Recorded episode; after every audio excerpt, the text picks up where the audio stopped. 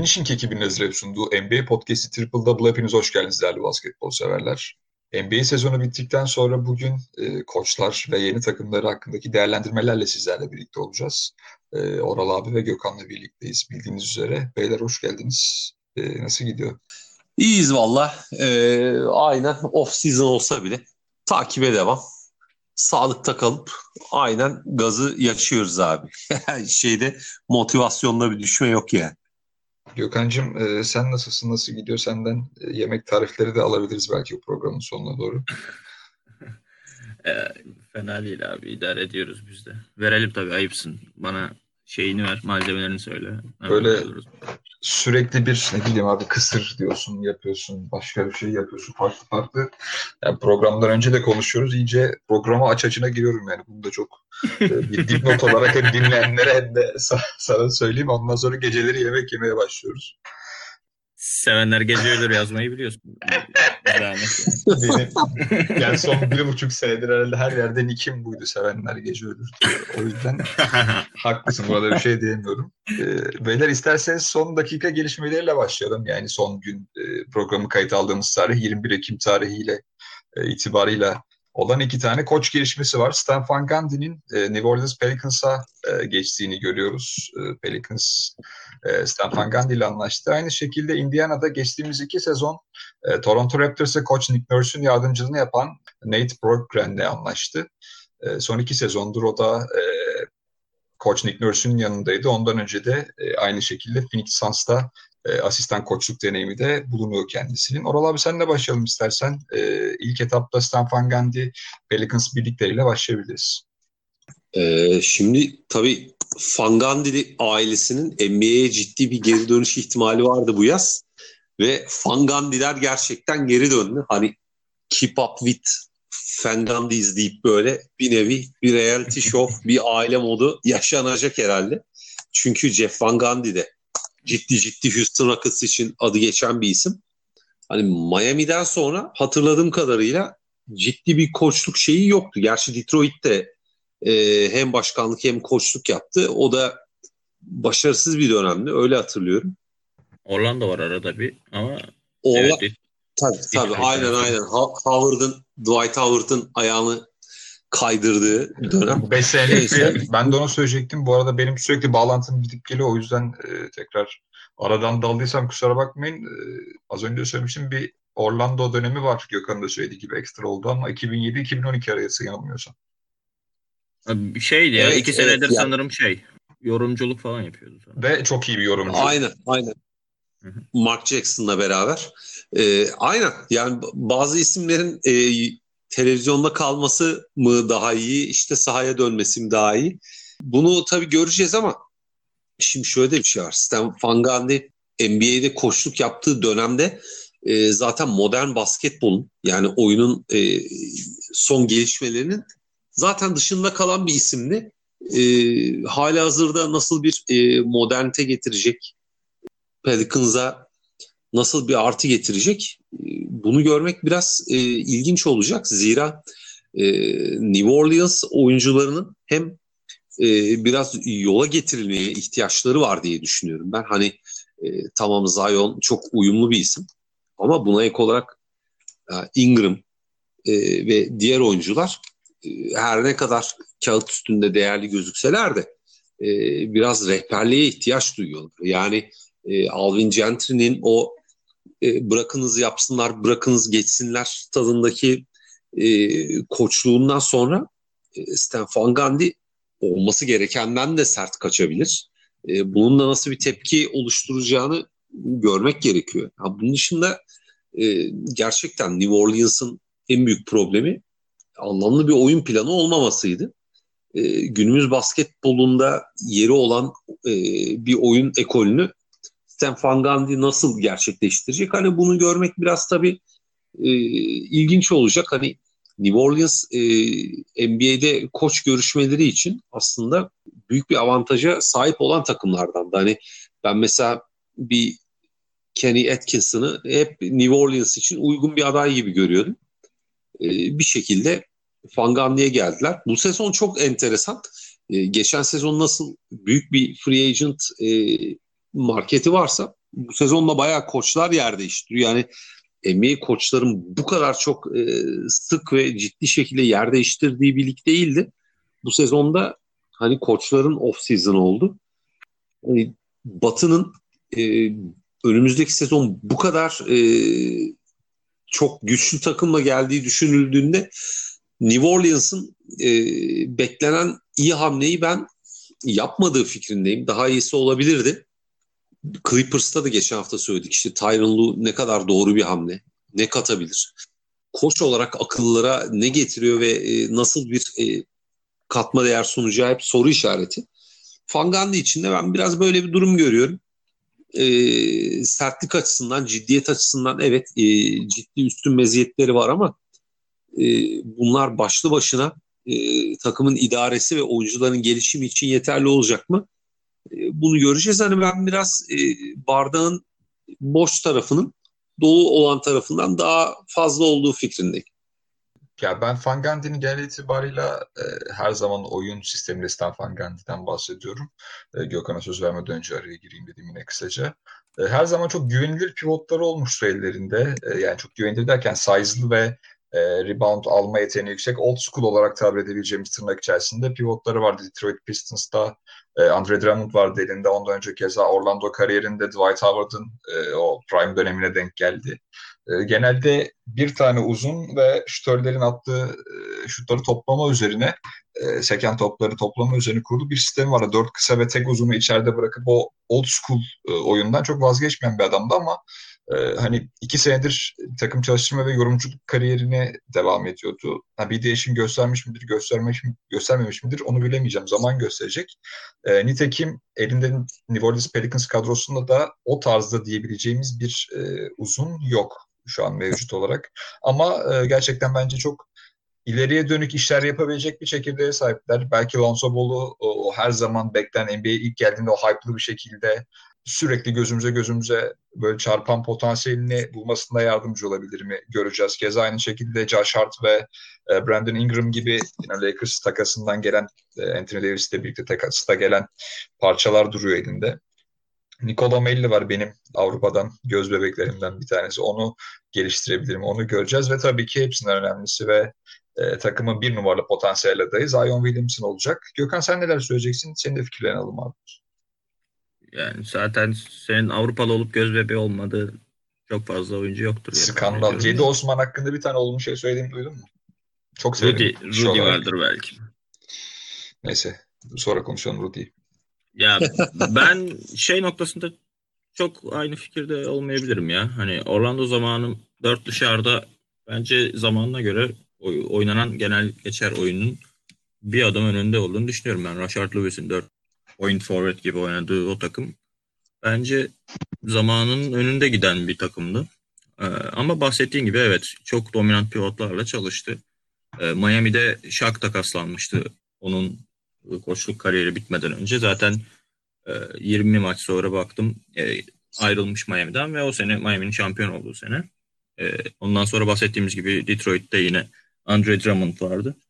Aslında o takım yani çok böyle Hababam sınıfı gibi bir takım olduğu için biraz NBA e, koçluk kariyeri kötü anılarla bitmiş gibi duruyor şu an. Çünkü o Reggie Jackson ve Andre Drummond artık şeydi. Falakaya yatıracaktı en son. Hani o kadar yılmıştı topçulardan Van Gundy. Biraz şeye güvendiklerini düşünüyorum ben. E, Pelicans'ın genç çekirdeğini eğitebilecek ve orada belli bir defansif kurgu oturtabileceğini güvendiler sanıyorum. Ee, geçen hafta sanırım C.C. Redick bir podcast'te konuk olmuş Matt Barnes ve Stephen Jackson'ın yaptığı. Ee, orada demiş e, Stan Van Gundy için hani benim çalıştığım en iyi koçtu demiş. O zaman da Orlando zamanından beraber olduklarını biliyoruz. Hani o da önemli bir şütördü. Hala bu seneye kadar playoff yapma serisi devam ediyordu C.C. Redick'in. Belki küllerinden doğabilir tekrar. Onun dışında aslında %100 olmasa da birazcık katıldığım noktalar. oyunu değiştirecek hamleler yapacağını ben de düşünmüyorum Van Gundy'nin.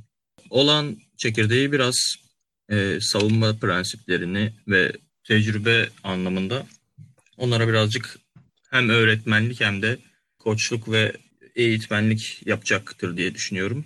O defansif eforu yükseltmek bağında e, birazcık çalıştırmak isteyecektir diye tahmin ediyorum. Hani zaman zaman bahsettiğin gibi tek pivot ve dört dışarıda oynamak için elinde Favors gibi bir oyuncu var ama e, yüzde yüz ben hani böyle oynamalıyım demeyecek kadar e, basketbol yorumculuğundayken e, oyunun değiştiğini gördüğüne inanıyorum ki tek bir prensibe bağlı kalmayacaktır. Bence zaman zaman Zion'ın veya Melli'nin 5 e, oynadığı beşler rotasyonlar görebiliriz bu sene Pelicans maçlarında diye tahmin ediyorum. E, onun dışında söyleyeceklerim bu kadar. E, abi çok güzel söyledin aslında şu e, koçluk kariyerinden sonraki yaptığı yorumculukta ben onu eklemeyi unuttum. Sen de hatırlatma için teşekkür ederim. O yaptığı yorumlarda kendisine modern basketbola geçebileceği hakkında çok fazla ipucu verdiğini e, ben okudum ESPN üzerinden de kendisini evet dinliyorduk tabii ki maç öncesinde denk gelebildiğimiz kadarıyla tabii yani ne kadar e, dinleyebilsek de e, sonuç itibariyle Amerika'daki bütün yayınlara hakim olamıyoruz dolayısıyla. Bu kendini geliştirme ve çağa adapte olma konusunda yaptığı yorumlar neticesinde yani bir adım öne çıkmış olabilir. Bu işte o old school pivotlardan oynayalım da e, sonrasında bakarız e, gibilerinden bir düşüncedense e, senin dediğin gibi kısa beşlerle Melli özellikle ya da Zion Williamson'ın beş numarada olduğu ve e, çok hareketli bir e, New Orleans Pelicans beşi görebiliriz. E, ve Rashard Lewis noktasında da kesinlikle katılıyorum orada. Özellikle onun dört numarada oynaması zamanı göre çok iyi hamleydi. Mike D'Antoni'nin yaptığı gibi o da e, oyunu biraz daha hızlandırma çabaları işte 2010'lu yılların ortalarında ve biraz sonlarına doğru artık e, Phoenix'te başlayan bu süreç.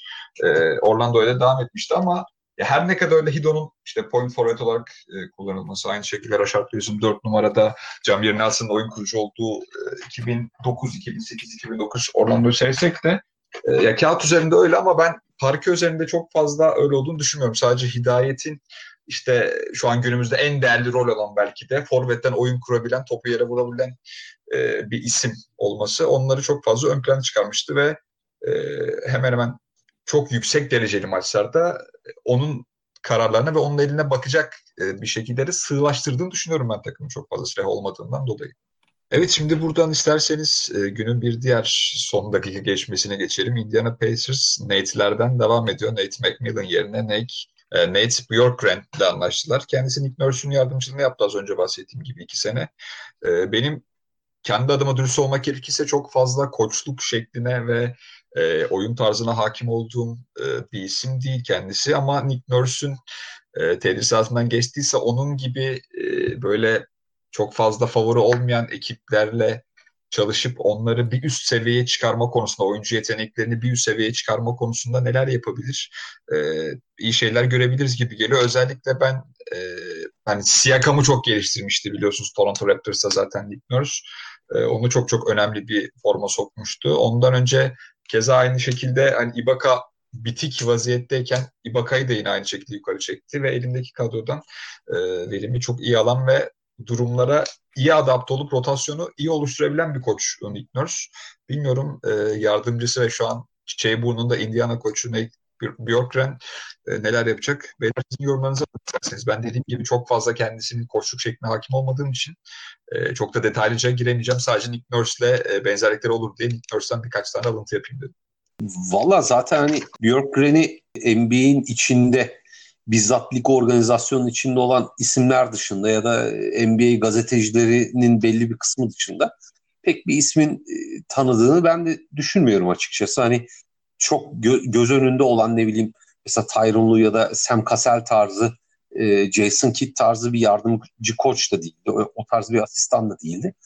Şimdi Indiana Pacers NBA'in e, aslında iyi işleyen düzgün organizasyonlarından birisine sahipti yıllardır ve e, bu organizasyon anlayışı içinde mesela Nate McMillan'la yeni bir uzun vadeli kontrat imzaladıktan sonra e, Miami'ye süpürülmelerinin ardından ki bubble döneminde bu sakatlıklar söz konusu olduğunda her ne kadar ben o seriyi Indiana geçer diye rezil bir tahminle unutamasam da e, kaybetmelerinin ardından beklenmedik bir şekilde Nate McMillan'la yolları çok acayip bir şekilde ayırdılar. Yani bu hiç Indiana tarzı bir hareket değildi.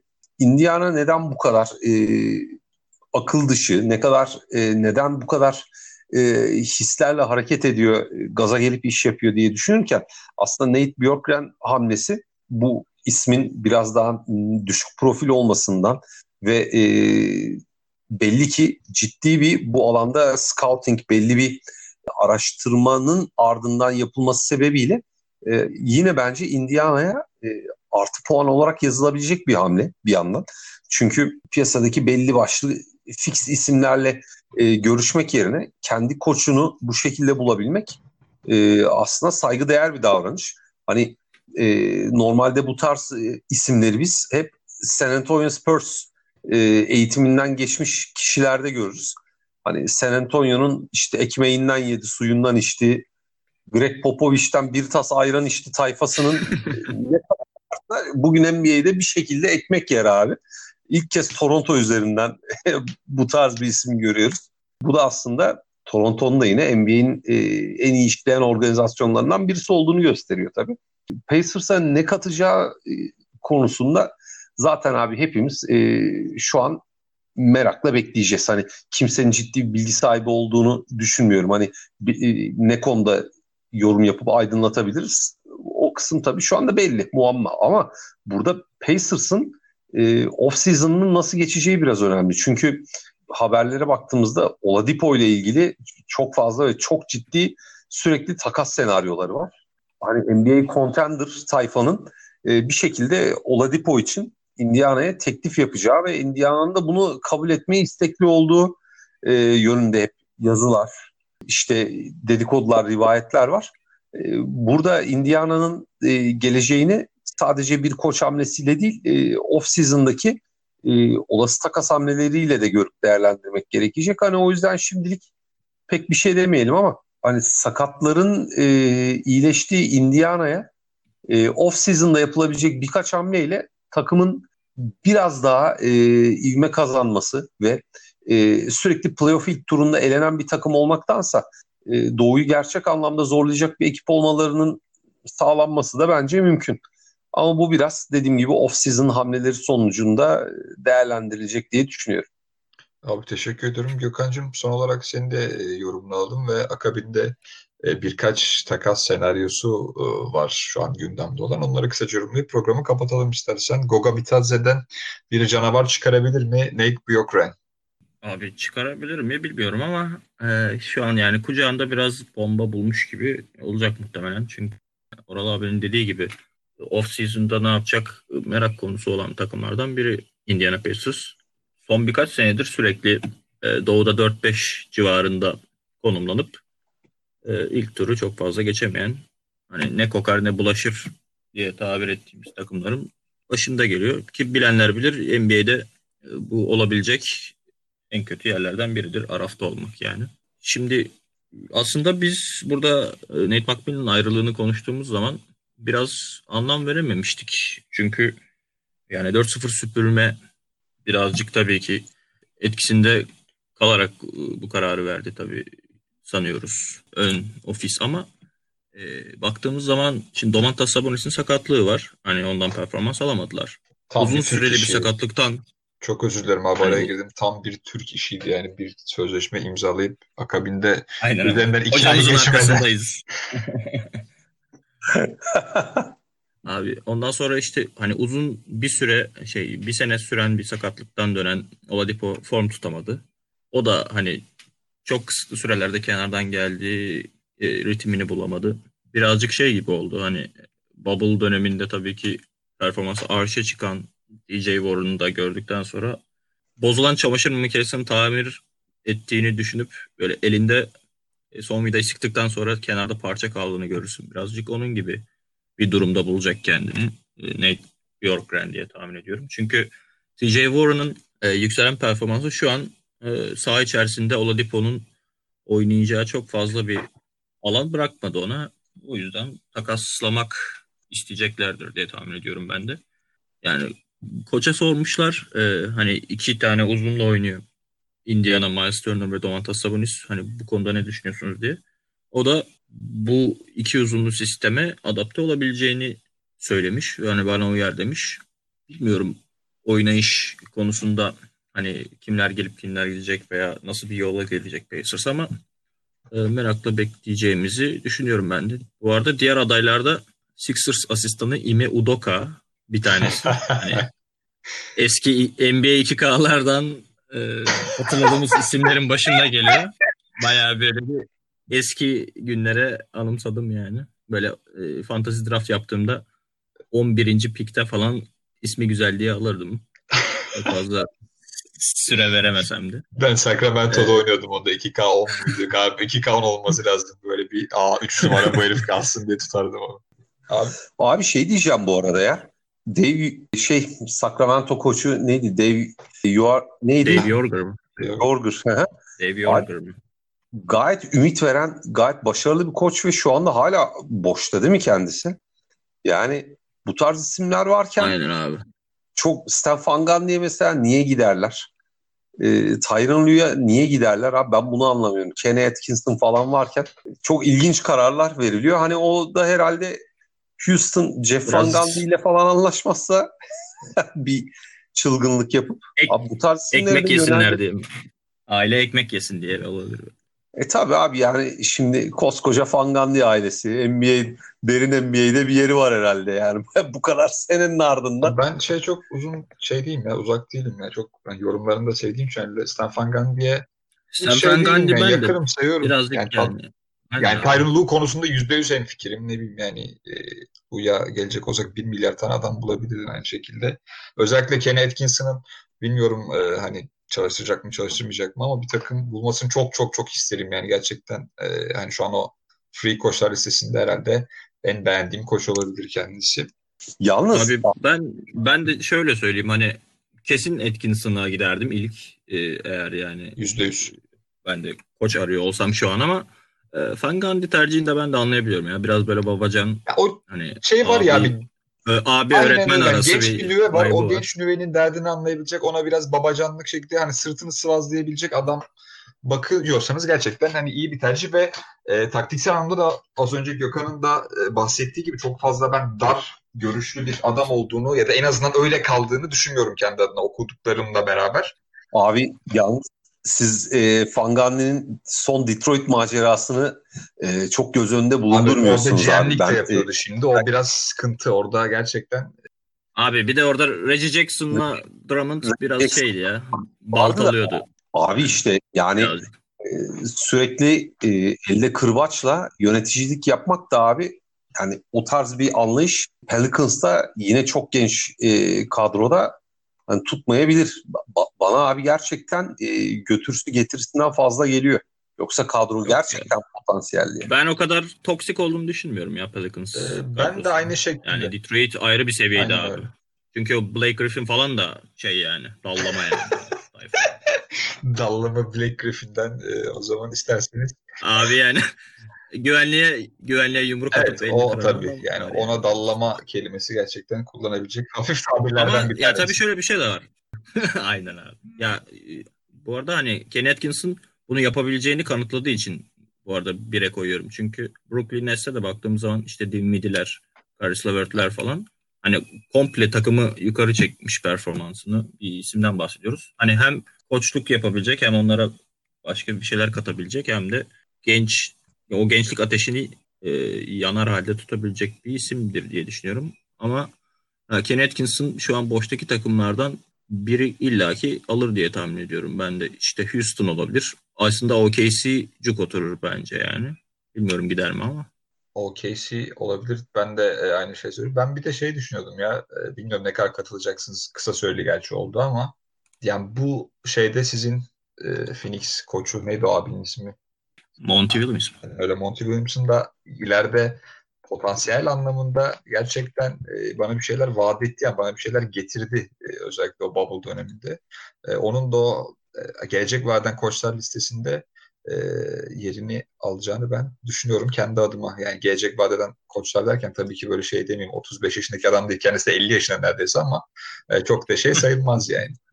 E, yaşlı. Sonuç itibariyle ilk e, bildiğim kadarıyla yani çok ciddi bir deneyim yaşadı ve gayet de iyi gitti geçtiğim seneden beri. Buradan isterseniz takas senaryolarına geçelim son olarak. E, yani normalde hepimizin bildiği gibi aslında draft pickleri takımların ellerini güçlendiren birer opsiyondu ama bu seneki draft da göz önünde bulundurduğumda zannediyorum, e, göz önünde bulundurduğumda zannediyorum ki e, Golden State ve Minnesota e, bu draft picklerini elinden çıkarıp daha günümüzde kazanalım düşüncesine geçtiğini e, zannediyorum. Çünkü ona mukabil birkaç dedikodu var. Minnesota'nın birinci sırayı e, elden çıkarmak istediğine dair. Keza aynı şekilde Golden State'in Bradley Beal için e, Andrew Wiggins artı bu sene ikinci sıra draftını e, vermeye hazır olduğuna dair birkaç haber çıktı yerli ve yabancı basında aynı şekilde. E, bunu konuşalım son olarak e, kısaca. E, ondan sonra da programı kapatalım. E, Bradley Beal zannediyorum bu senenin en önemli gözlerinden bir tanesi olacak e, ki bence en doğal da hakkı zaten son 2-3 senedir özellikle. E, her takımın 30 takım tamamını kadrosunu görmek isteyeceği müthiş bir kısa. Oral abi senle başlayalım istersen. Evet Bradley Beal hani hepimizin çok beğendiği oyunculardan birisi ancak onunla ilgili şöyle bir şey var abi. Şimdi e, biz Bradley Beal'ı hep gözümüzün önüne geçen seneki Sheffield Washington Wizards'ın tek yıldız ismi olarak e, düşünüyoruz. E, ancak John Wall geri dönüyor ve e, hani ben nereye baksam sürekli olarak John Wall'un muhteşem durumda olduğuna manyak bir yere kral geri dönüyor, off-season kamplarının yıldızı vesaire şeklinde haberlerle sürekli bir e, John Wall hype'ı döndüğünü görüyorum. Mesela şey deniyor, 3 e, sayısını acayip geliştirmiş, kendi repertuarına şut eklemiş, atletizmi hiç olmadığı kadar iyi seviyedeymiş vesaire vesaire. Ya ama tabii burada olay şuna geliyor abi. E, Bradley Beal e, çok sefil bir takımın tek yıldızı olmaktan ziyade e, bu John Wall haberlerinin yarısı bile doğruysa zaten John Wall haberleri doğruysa büyük ihtimal abi herifler 78 galibiyet 4 mağlubiyette sezonu birinci bitirecekler ama yani bunların yarısı bile doğruysa Washington'ın hani e, playoff rekabetine yeniden e, geri dönmesi söz konusu. Hani onlar 2016-2017 miydi? 2000 tabii 2016-2017 sezonuydu o.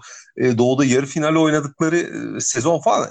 Abi ben bayağı zevk alıyordum adamlardan ve John Wall, Bradley Beal ikilisini hani ben Stephen Curry, e, Clay Thompson ikilisinden sonra NBA'nin en iyi 1-2 numara kombinasyonu olarak gördüm. Şimdi Washington böyle bir potansiyeli ve kombinasyonu dağıtır mı? Tamam Bradley Beal'ı herkes ister ama e, abi şimdi bu oyuncunun haklarına sahip olan Washington'da e, Golden State'in işte bir numaralı e, draft piki artı Andrew Wiggins için niye risk alsın? Çünkü Andrew Wiggins bugüne kadar NBA'de gerçek anlamda bir hayal kırıklığı olmuş bir isim. Yani overpaid kontratıyla Minnesota'nın geleceğine ipotek vurmuşluğu bir yana e, Golden State'te de yine e, kırılgan karakteriyle büyük üçlünün yanındaki sığıntı dört, dördüncü isim olarak e, herkesin kafasında iyi oldu bu şey.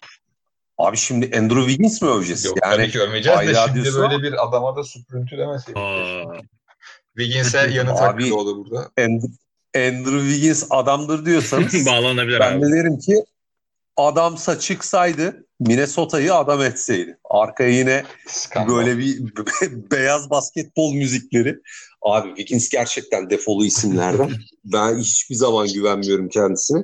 Yani ona e, zihinsel bir eşik atlatacak e, mentor çok önemli bir e, koça. E, o tarz bir rehber isme ihtiyaç duyuyor. Yani onun yanında da mesela işte ikinci sıra için işte Lamelo Ball falan e, zikrediliyor. Düşünsenize Andrew Wiggins, Lamelo Ball ve babası. Yani takas paketine bakın abi yani asla. E, yani, ne ekşidi abi vallahi. Değil mi? Akşam akşam abi yani ne, ne yesek olmaz bunun üstüne. Hani şimdi bu kabus bir takas paketi.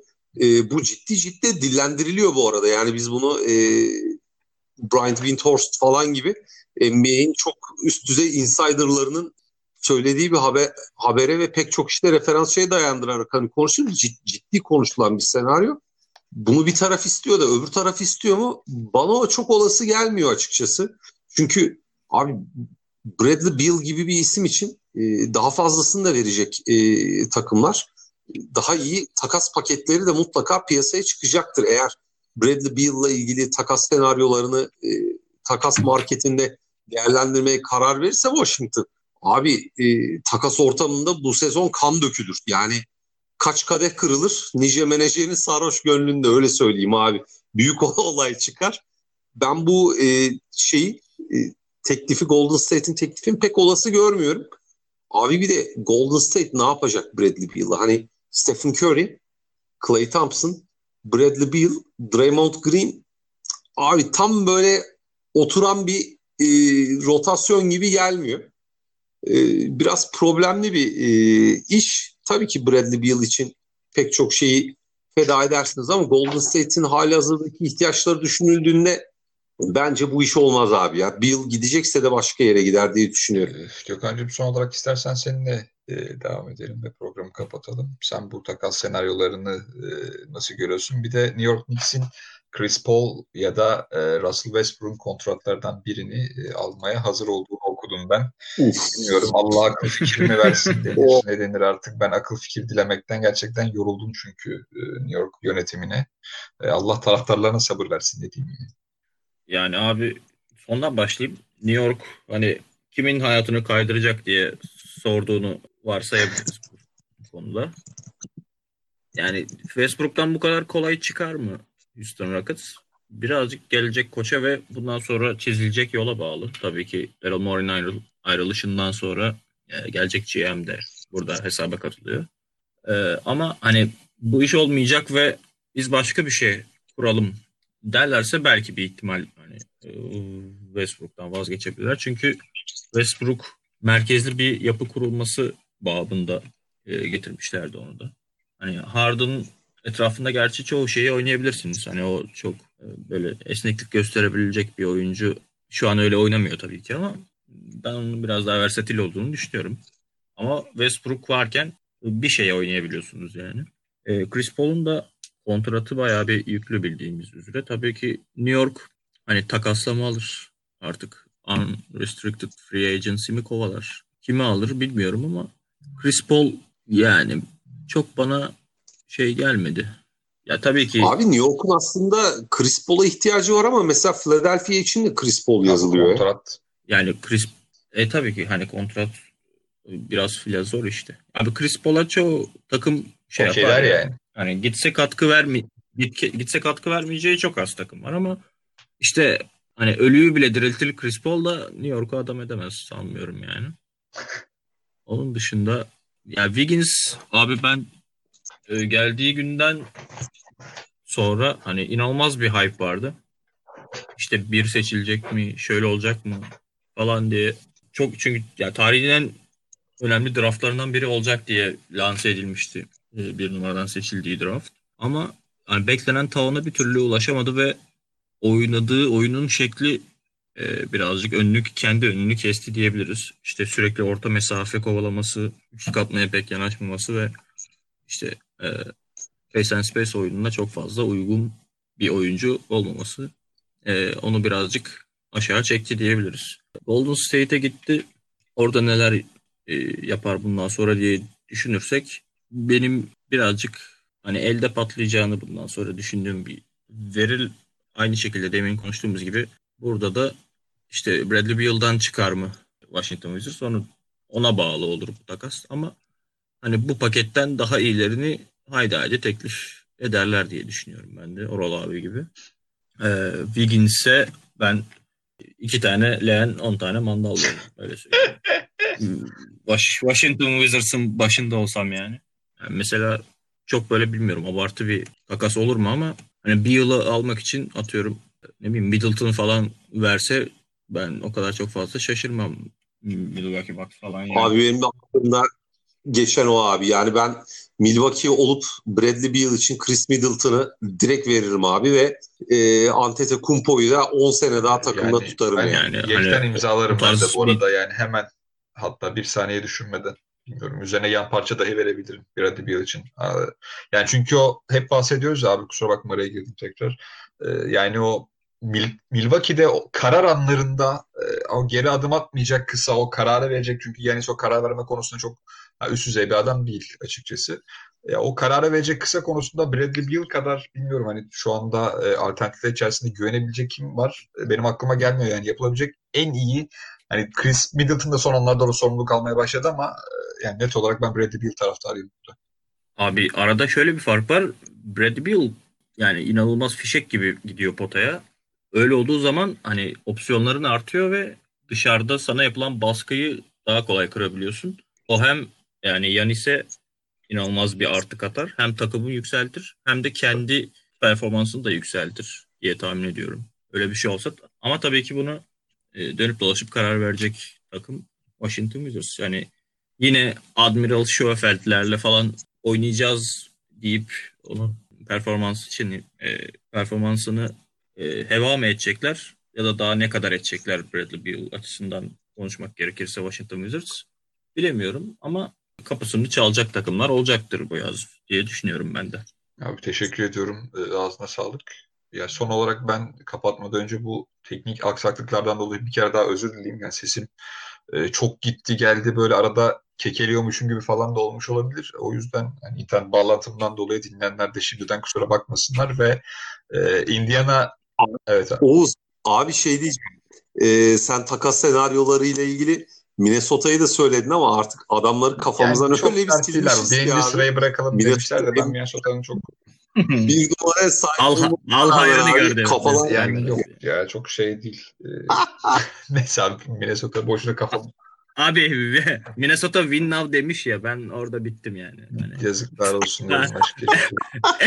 e, e, ekstra bir şey söylemeye çok gerek yok. Değişik bir kafa yapısı. E, tekrar söyleyeyim o bağlantıdan dolayı tekrar dinleyenler kusura bakmasın. Böyle arada ses gitti geldi ne bileyim işte kekeliyormuşuz gibi falan da oldu. Aynı zamanda burada bir de e, Indiana Pacers yönetimine e, biraz serzenişte bulunalım. Ne güzel Nate McMillan deyip e, kolayca geçebiliyorduk ama bu e, söylem bakımından Nate Bjorkgren ismi ciddi anlamda ulan ne diyor bu adam şeklinde düşünebilirsiniz ya da ses konusunda kulağa çok fonetik olarak da güzel gelmediğini düşünüyorum ben kendi adıma. Bjorkgren ismi bilmiyorum böyle şey gibi İsveçli yani, bir fonetik olarak abi İsveçli bir punk rock grubu şey, gibi sanki. Yani. yani İsveçli bir e, rock grubunun şey gibi ismi gibi. Neyse e, kapatalım. Abi yani şey diyecektim ben de hani ben hani metal kafa birisiyim. Yani bizde e, Kuzey Avrupa'da İsveç, Norveç, Finlandiya çok fazla evet. grup ve müzisyen var. Ben antrenmanlıyım da an, antrenmanlı olmayanlar e, bir web sayfası vardı işte ikeaordeath.com diye. Ikea mı ölüm mü diye e, tavsiye ederim. oraya girip ilginç isimli IKEA ürünlerinden bu bir IKEA ürünü mü yoksa bu bir metal grubu mu diye ilginç testler var. Oradan bu tarz isimlere aşinalık şey kazanabilirsiniz ya. abi. Ya Björk'ten kamu spotu olsun biz de yani biliyorsak o da İzlandalı. Aynen abi. müthiş bir şarkıcıydı kendisi. Ee, Gudjonsen'le beraber en ünlü İzlandalı herhalde kendisi. Gerçi son dönemlerde Sigurdssonlar falan çıktı ama herhalde e, Björk de en ünlü İzlandalı kategorisini zirveye alabileceğimiz bir isim. Fonetik olarak da ona benziyor gerçi. E, buradan bir kez daha Nate, Nate Björkgren'i analım ve e, programı kapatalım. E, ağzınıza sağlık beyler. Teşekkür ediyorum ikinize de. Önümüzdeki hafta e, tekrar sizlerle birlikte olacağız efendim. O zaman herkese iyi günler dileyelim. Hoşçakalın. Hoşçakalın. Hoşçakalın.